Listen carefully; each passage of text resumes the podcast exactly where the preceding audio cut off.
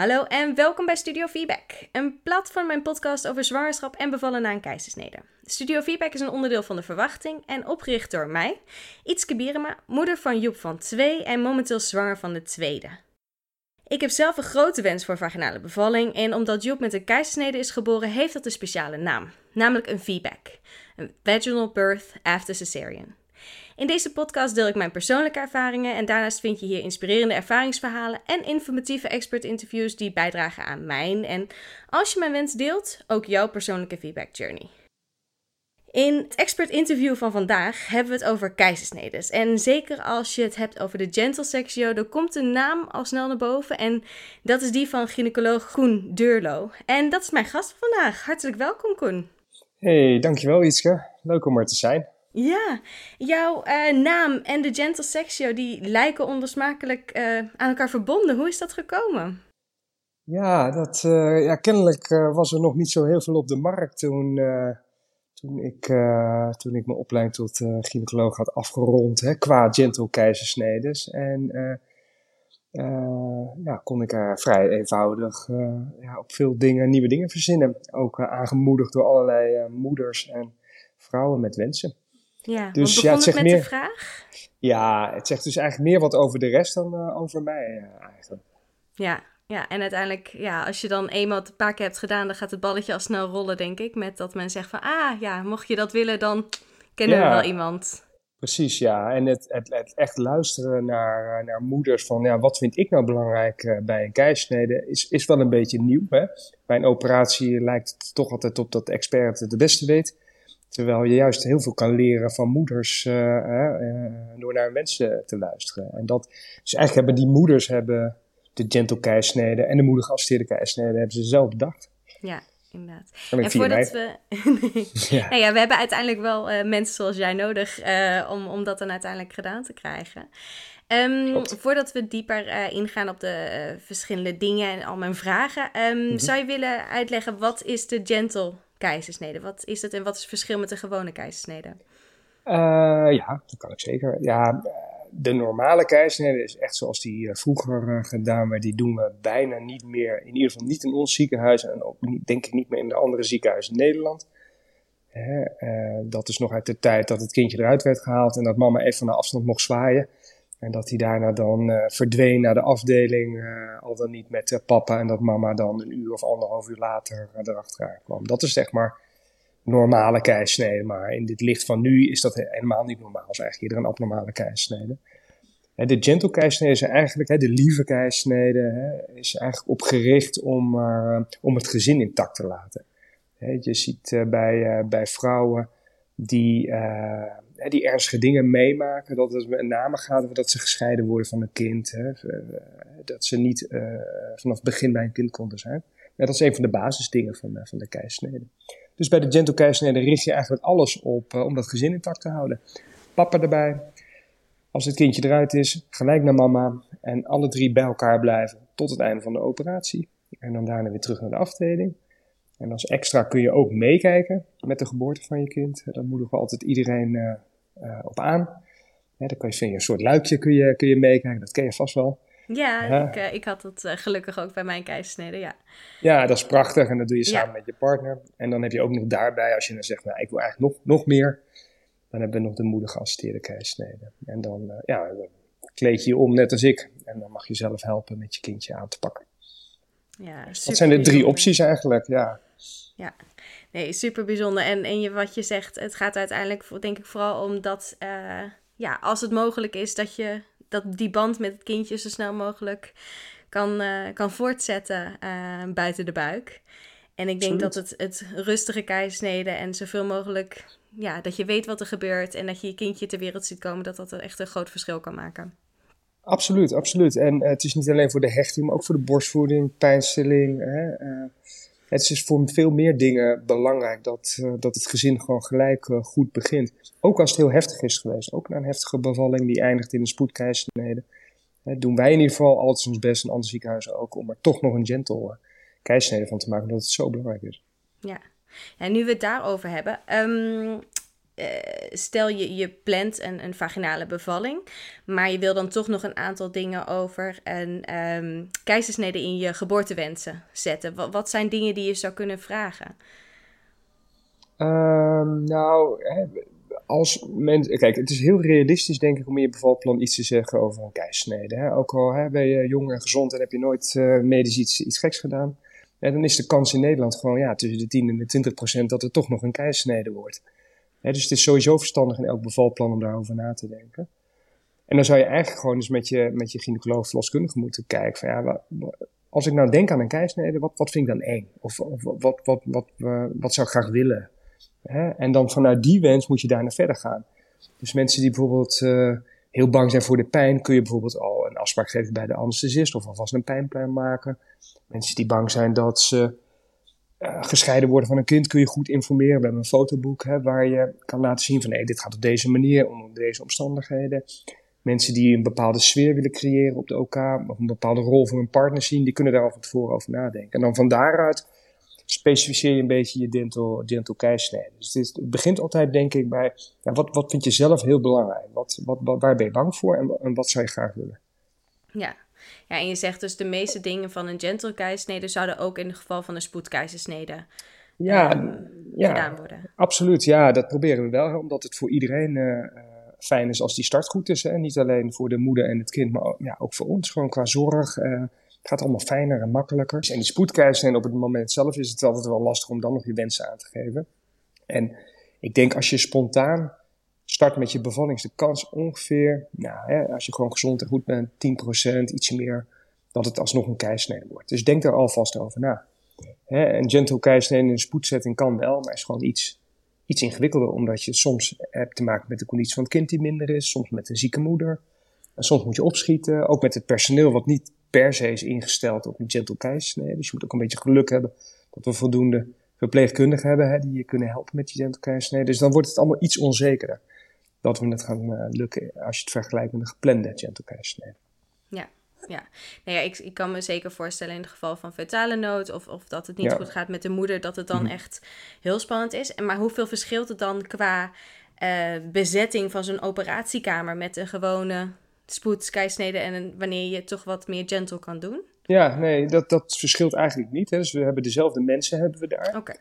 Uh, dus daar zit het hem niet in. Dus we kunnen, het begin kunnen we vaak wel uh, gentle doen. Maar gentle vind ik dat de baby niet meer weggaat van de moeder. Mm, dus die blijft dan de hele operatie bij de moeder.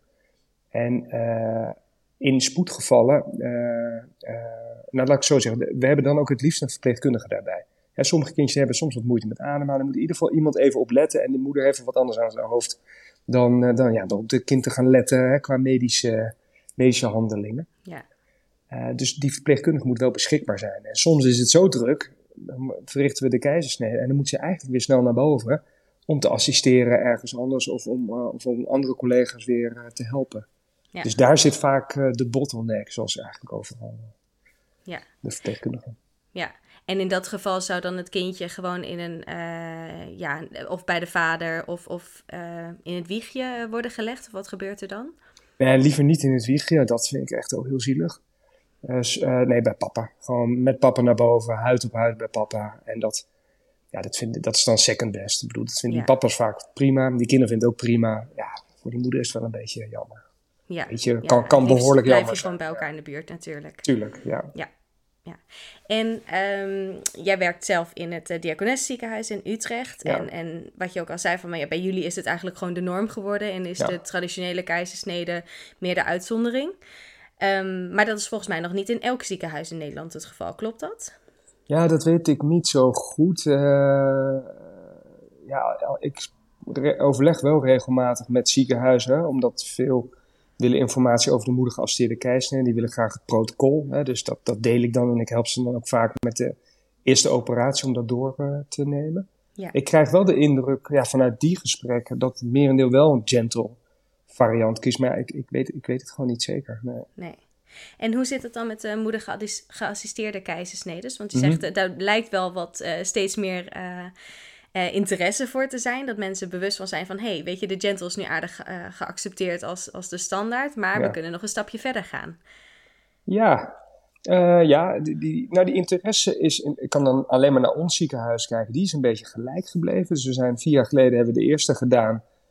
En uh, nou, dat was best wat nieuws en dan kregen we best wel wat aandacht. En toen dacht ik van nou, nu gaan we er toch veel krijgen. En toen kwam er eigenlijk helemaal niemand. Echt oh. twee maanden niet. Oké, okay, terwijl we heel veel positieve pers kregen. Dus het was een hele leuke tijd. En toen kwam het zo langzaam op gang. En ik denk dat ik gemiddeld 1 à 2 per maand doe. Dus ik doe er nu ongeveer 70. En ik denk dat heel veel moeders het wel mooi vinden. En ook leuk. Maar dat ze heel veel moeders het niet per se iets voor zichzelf vinden. Zeg, mooi dat het er is, maar niet per se voor mij. Ja. Ja, ik moet zeggen, het valt me op dat het laatste, nou misschien het laatste half jaar, dat er ook weer, ja, zeker nu na corona, is er natuurlijk een tijdje ook geen geboortefotograaf meer uh, bij de keisneders geweest, waardoor je dan minder beelden krijgt vanuit de, de keisnede geboorte. Klopt. En nu heb ik de laatste tijd weer een paar voorbij zien komen. En ik heb het idee dat het nu weer wat meer gaat leven, in ieder geval in de uh, social media community. En Zeker. misschien heeft dat dan ook invloed op van dat je dan, als je het een paar keer voorbij hebt zien komen, dat het minder spannend of minder eng klinkt. Ehm, dan wanneer je ja, denkt van, oh jee, dan heb ik, ik word geopereerd en ik heb best wel een, een grote open wond. En daar moet ik mijn handen dan bij houden om mijn kindje ter wereld te brengen. Dat, ja, ik denk als je het een paar keer hebt gezien, dan wordt het al wat uh, ja, behapbaarder en wat echter. Ja, dat denk ik ook. Eh, dus dat, dat helpt ons eh, enorm op social media. En ik, ik merk het wel een beetje aan de verzoeken van andere ziekenhuizen dat die vraag, dat die vraag in de rest van het land er wel is. Ja. en, maar ze gaan het zelf opzetten en dat is denk ik helemaal, helemaal prima.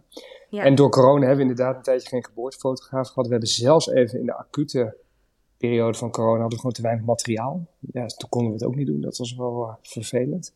Ja. Maar nu, uh, nu, nu zijn we gewoon weer uh, ouderwets bezig. Ja, fantastisch. Ja, dat is ook leuk om te doen.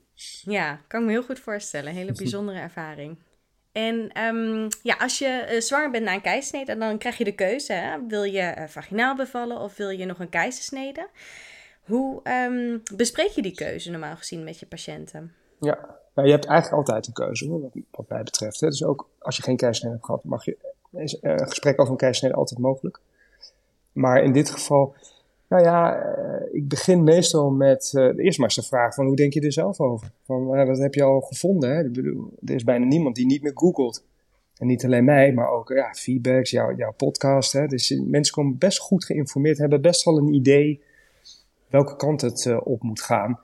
En ik probeer eigenlijk, uh, ik, ik heb in mijn hoofd zo'n soort denkbeeldige weegschaal. En dan ga ik gewoon aan de hand van wat ze me vertellen, ga ik dingen instoppen. Oké, dit, dit neigt wat meer naar een natuurlijke bevalling of een vaginale. Dit neigt wat meer naar een keisnede. En die spiegel ik de hele tijd met ze. Van oké, okay, je noemt nu drie argumenten die in de weegschaal voor keisnede vallen. En dan gaandeweg uh, uh, ziet zo'n zwanger volgens mij dan ook zo die weegschaal voor zich. En dan ja, spiegel je de hele tijd die keuze terug en de, en de afwachting. En soms moet je ook wel echt vertalen wat ze zeggen. Want ja, ik, ik vind gepland en rust heel fijn en zo. Maar soms betekent dat ook gewoon het vermijden van onzekerheid en trauma. Hè? Dus je moet even tussen die regels doorlezen en dat weer de hele tijd teruggeven. Dus eigenlijk wat je zegt is, je bent bang dat het weer eindigt in zo'n heftige bevalling. Je zou eigenlijk het liefst een heftige bevalling willen vermijden. Nou ja, en, dan, en je moest je de tijd geven. Dus niet na één gesprek al zeggen, dit is het. Neem, neem het gewoon even mee, uh, rustig aan. Soms heb ik nog een belafspraak, uh, soms mail ik nog even met ze. Dan kijk ik gewoon even wat er nodig is. En het is nooit een definitieve keus. Dus er zijn altijd omstandigheden uh, om er vanaf te wijken of om het weer opnieuw te bekijken. Ja, nee, dat is denk ik ook altijd heel goed om te weten. Ja, als je binnenkomt met, met 9 centimeter of ja, het, hoofd hangt eruit, dan ja, ga hem niet terugduwen voor de keizersnee, zeg maar.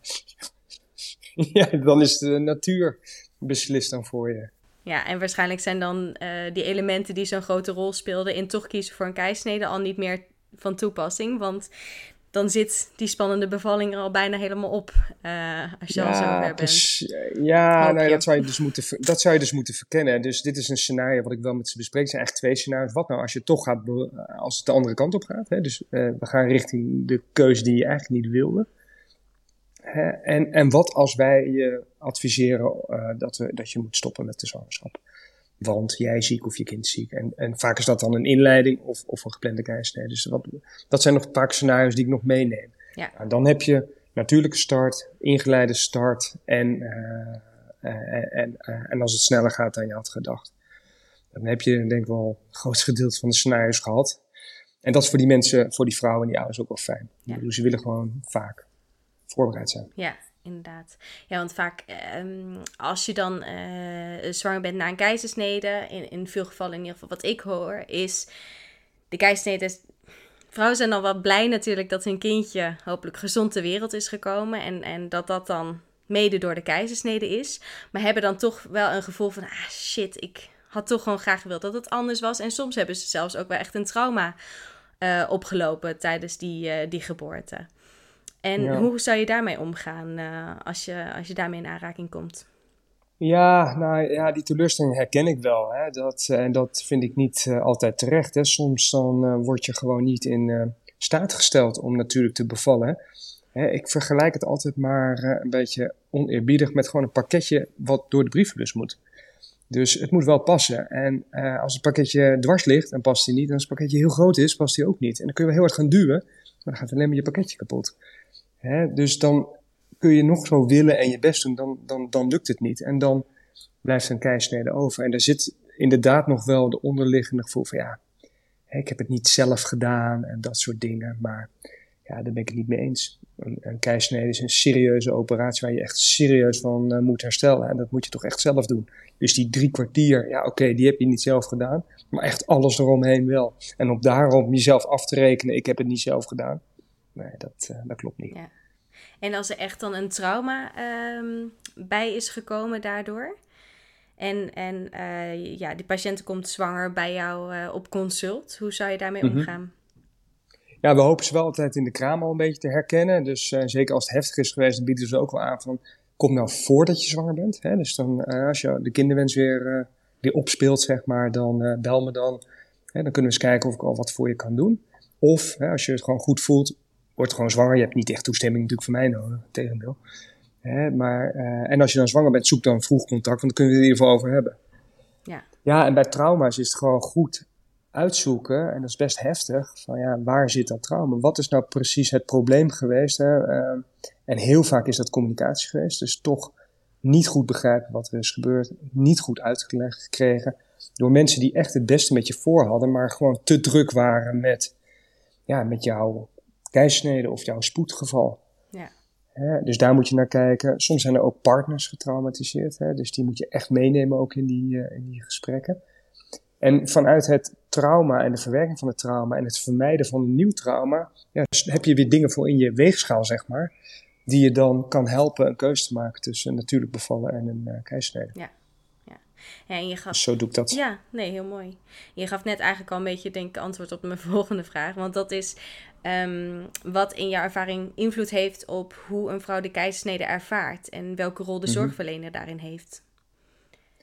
Ik denk dat dat een communicatie een groot deel is, of niet? Ja, absoluut. Ja, ben ik helemaal met je eens. Ja, ik denk dat de zorgverlener een grotere, best een grotere rol heeft daarin. En vooral in de voorbereiding. Je, je bent echt een beetje een coachachtig iemand. Hè? Ik bedoel, je hebt de kennis, maar die, die vrouwen weten wat goed voor zichzelf is. Hè? Ze weten alleen precies welke tools er uh, beschikbaar zijn. Dus daar moet je ze bij helpen. Van oké, okay, als je dit zou willen vermijden, heb ik dit. Als je dat zou willen, dan heb ik dit dus op die manier probeer je, probeer je zoiets uh, iets voor te bereiden. Ja, ja. Is dat antwoord op je vraag? Ja, denk het wel. Oké. Okay, um, ja. En ik heb ook een. Uh, ik had vanochtend aangekondigd dat ik met jou in gesprek zou gaan. En daar ook een aantal vragen uitgekomen. Dus die zal ik ook nog even uh, noemen. Oh. En één daarvan is ook. Op Insta? Ja, op Insta. Ja, kan je bij een geplande keisnede ook wachten totdat de bevalling zichzelf aandient? Ja, dat is een goede vraag. Dat, uh, dat, dat vragen wel meer mensen. En dan vraag ik altijd, wat, wat, wat zou daarvoor het, uh, het voordeel zijn? Zeggen ze, nou ja, dan, dan begint mijn lichaam en dan weet ik dat mijn kind er klaar voor is en ik zelf ook. Ja, dat is ook zo. Want dan is hij er klaar voor, dan is hij zeg maar uitgerijpt en dan zou hij het in theorie ook wel beter kunnen doen dan na een geplande keisnede. Dus ik snap heel goed dat mensen dat willen. Het is in de praktijk wel lastig hoor. Um, want als je wacht tot de weeën, dan kan dat op een willekeurig moment van de dag zijn, s'avonds, s'nachts, in het weekend. Nou, wij zijn een 24-7 bedrijf, dus dat is het probleem niet. Maar soms zijn we ook bezig. En dan heb je weeën en die doen pijn. En ja, dan moet je wachten op de keizer, dus dat vind ik vervelend. Het tweede is ook Soms zitten er in die weegschaal dingen waardoor je juist een bevalling wil vermijden. Hè, omdat het litteken gescheurd is of zo. Dus het brengt ook wat extra risico's met zich mee. Maar in dat onplanbare, die pijn en het iets toegenomen risico, ja, meestal weegt dat wel op tegen zeg maar de, de winst die we zien als kindjes hè, aangeven, ik wil er nu uit. Want meestal doen we een keizersnede gepland met 39 weken. En verreweg de meerderheid komt er gewoon stralend uit. Dus je pakt denk ik niet zo heel veel winst door te wachten op het juiste moment, maar je verliest wel wat kwaliteit. dat bespreek ik dan meestal met de ouders. Ja. En sommigen zeggen, nou ja, het, zal, het zal echt wel eens een keer gebeurd zijn dat we wat langer gewacht hebben, omdat dat voor die moeder beter voelde. Ja. Maar die realiseren zich ook, ja, ik heb ook geen zin om s'nachts met pijn te moeten wachten op een operatie. Ja. dat is natuurlijk ook uh, zielig. Ja. Nou ja, bij mij gebeurde het per ongeluk dat mijn vliezen braken met 38,2 en mhm. het feest toen begon. En ik weet dat ik het gelukkig toen alleen maar fantastisch vond dat ik per ongeluk eigenlijk zo'n stukje natuurlijke vaginale geboorte meemaakte. En daarna nog ook helemaal achter de keizersnede stond op dat moment. Maar um, ja, ik denk dat ja, dat zijn ook weer elementen voor in de weegschaal, zoals jij het noemt. En uh, ik denk ja, dat heel fijn dat dat in ieder geval bespreekbaar is.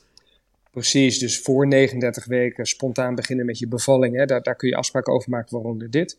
En soms kun je ook wel een beetje met die planning schuiven. Hè. Als vrouwen echt die, hè, zich zorgen maken om de rijpheid, kun je zeggen, nou, doe het ietsje later dan 39 weken als dat, als dat uh, goed. Maar realiseer je dan dat ook aan de andere kant, hè, dat je s'nachts met pijn kan komen. Ja, en dat mogelijk dus niet het uh, OK-team dat je het liefst hebt, uh, dat mogelijk die, die mother maternal assistant cesarean kan uitvoeren en... Ja, ja dat, heeft dat dus is een hele goede aanvulling. Ja, ja, dus je, dus je, je geplande gentle variant, hè, dat uh, is iets onzekerder geworden, hè, omdat we het dan niet goed uh, kunnen plannen. En de moeder geassisteerde keisnede doen we liever niet in een uh, spoedsetting. Daarvoor kost het gewoon te veel tijd. Ja. En, daar, ja, en ik ben ook de enige die hem doet nog bij ons in het ziekenhuis. En ja, ik ben er niet 24-7. Nee. Gelukkig, zou mijn gezin zeggen.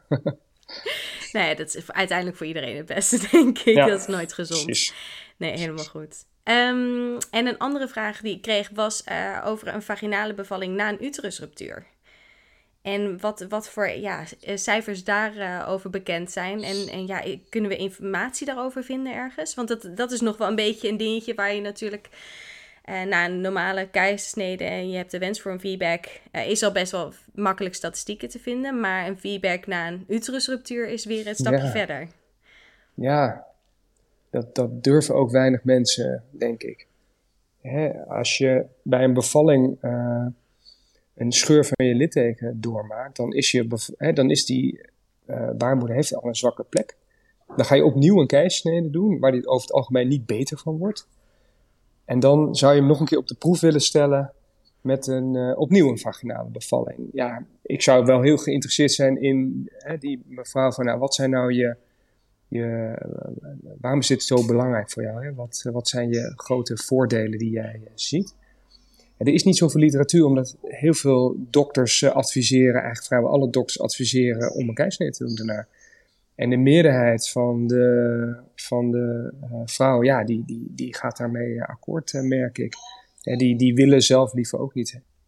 Ja, er is vast wel literatuur, maar ik denk dat je aan de grenzen van ethiek zit. Want ik zou altijd adviseren na een scheur om per keisnede te bevallen. Dus als iemand zegt, ja, maar dat wil ik echt niet. Nou prima, dan wil ik best met je in gesprek. Maar dan komt die wens eigenlijk voort als een soort van weigering van de protocolaire zorg. Nu komen we op een heel ander gebied hoor. Dat doen we ook buiten de film. Dat is ook, daar moet je heel veel gesprekken over voeren met die, met die vrouwen. Uh, maar dat, die groep is klein. Ja. Hè, dus, um, en daarom is er weinig over te vinden. Er zijn niet veel mensen die dat doen.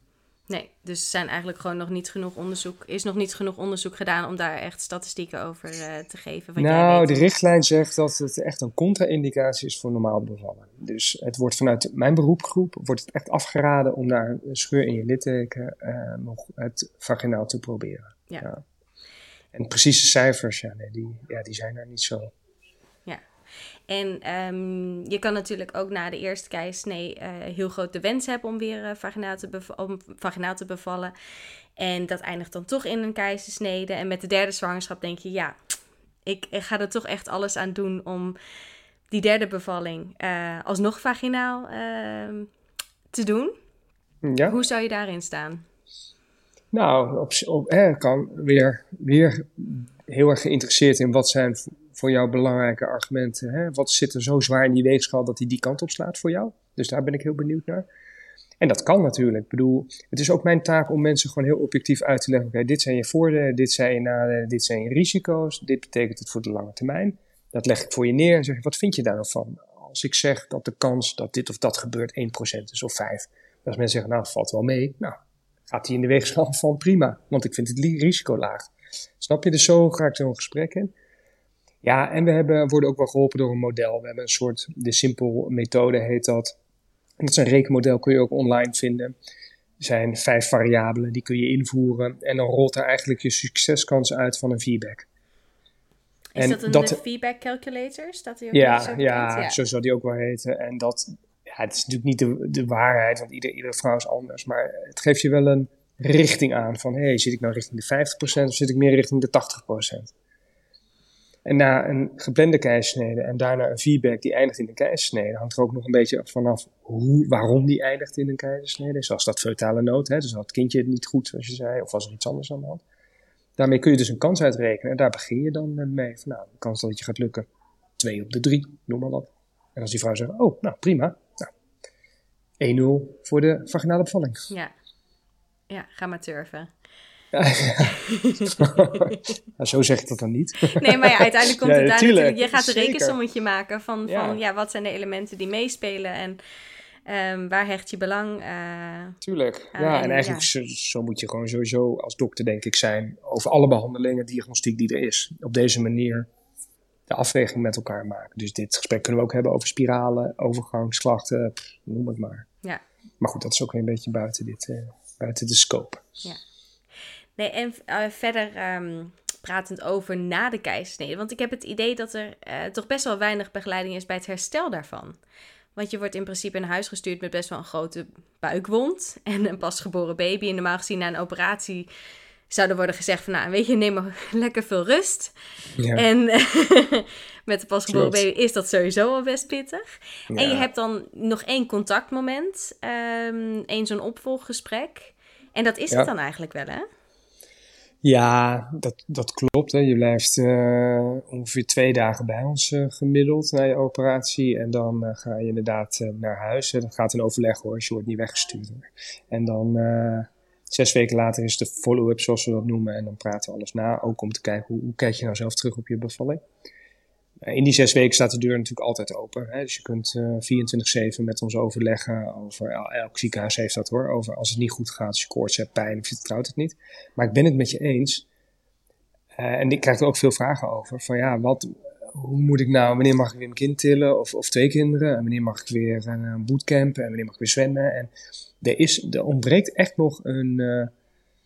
een, uh, een, een, landelijke richtlijn of een folder die zegt van oké, okay, nou, herstel naar een keizer, dat hebben we. Er is nu zo'n app en die heet uh, How About Mom. Ja. En die, die richt zich heel erg op die uh, kraamvrouw. En daar staat nou bijvoorbeeld heel erg veel in. Maar goed, die app is nu, of dat bedrijf is nu een jaar of vier oud, moet je nagaan.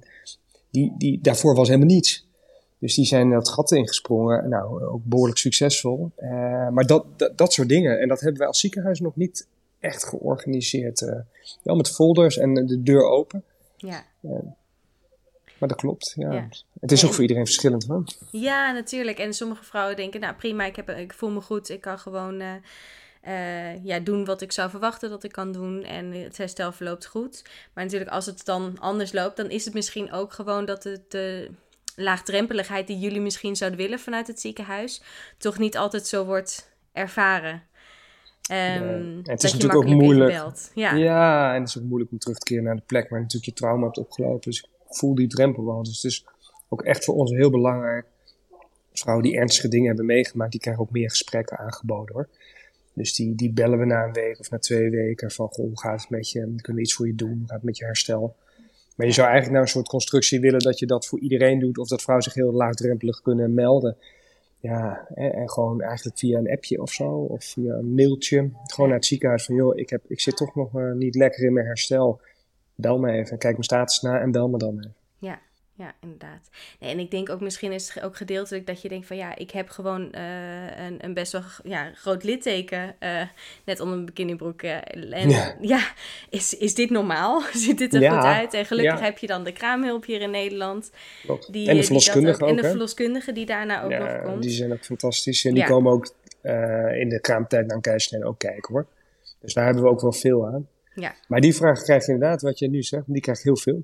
Hoe gaat het met mijn litteken? Ja. Wil je even kijken? Inderdaad. En als laatste vraag. Um, wat kan je als uh, zwangere met een keisnede in de anamnese doen om je kans te vergroten op een uh, positieve geboorteervaring? Nou, voorbereiden. Dat denk ik echt het allerbelangrijkste. Dus uh, hè, dit, er zijn heel veel. In de media hoor je altijd van ja, niet googlen, dat is allemaal eng, niet doen. Nee, juist wel googlen. Ga vooral wel rondkijken leer gewoon jezelf kennen. Leer wat vind ik eng, waar ben ik bang voor. Misschien kom je ook wel dingen tegen en zeggen, oh dat is mooi, dat zouden we ook wel willen. En bijvoorbeeld in mijn ziekenhuis leiden we nu thuis in. Uh, vrouwen meten thuis een eigen bloeddruk. We hebben een CTG-apparaat wat thuis kan. We hebben een moeder geassisteerde keisnede. we hebben stuitbevalling op handen en knieën. Dat is niet omdat wij dat allemaal bedenken. Dat is omdat die vrouwen daarmee komen en zeggen: hé, hey, badbevallingen, hè, kan, dat niet, kan dat niet bij jullie? Dus uh, kijk, kijk vooral rond en ga dan en ook de dingen die je vindt en die jouw gevoel hebben van oké, dit vind ik eng of dit vind ik heel leuk, zeggen ook iets over hoe je in die bevalling staat. Dus daar begint het denk ik. Hè. Laat je goed informeren. Hè. Die podcast van jou is een goede. Andere podcast of, of, of live meetings op de Insta. Kijk rustig rond. En ga daarmee naar je dokter. Dat zou het belangrijkste zijn, denk ik. Ja, nee, fantastisch. Nee, hartstikke bedankt voor je, voor je tijd vandaag. Graag gedaan.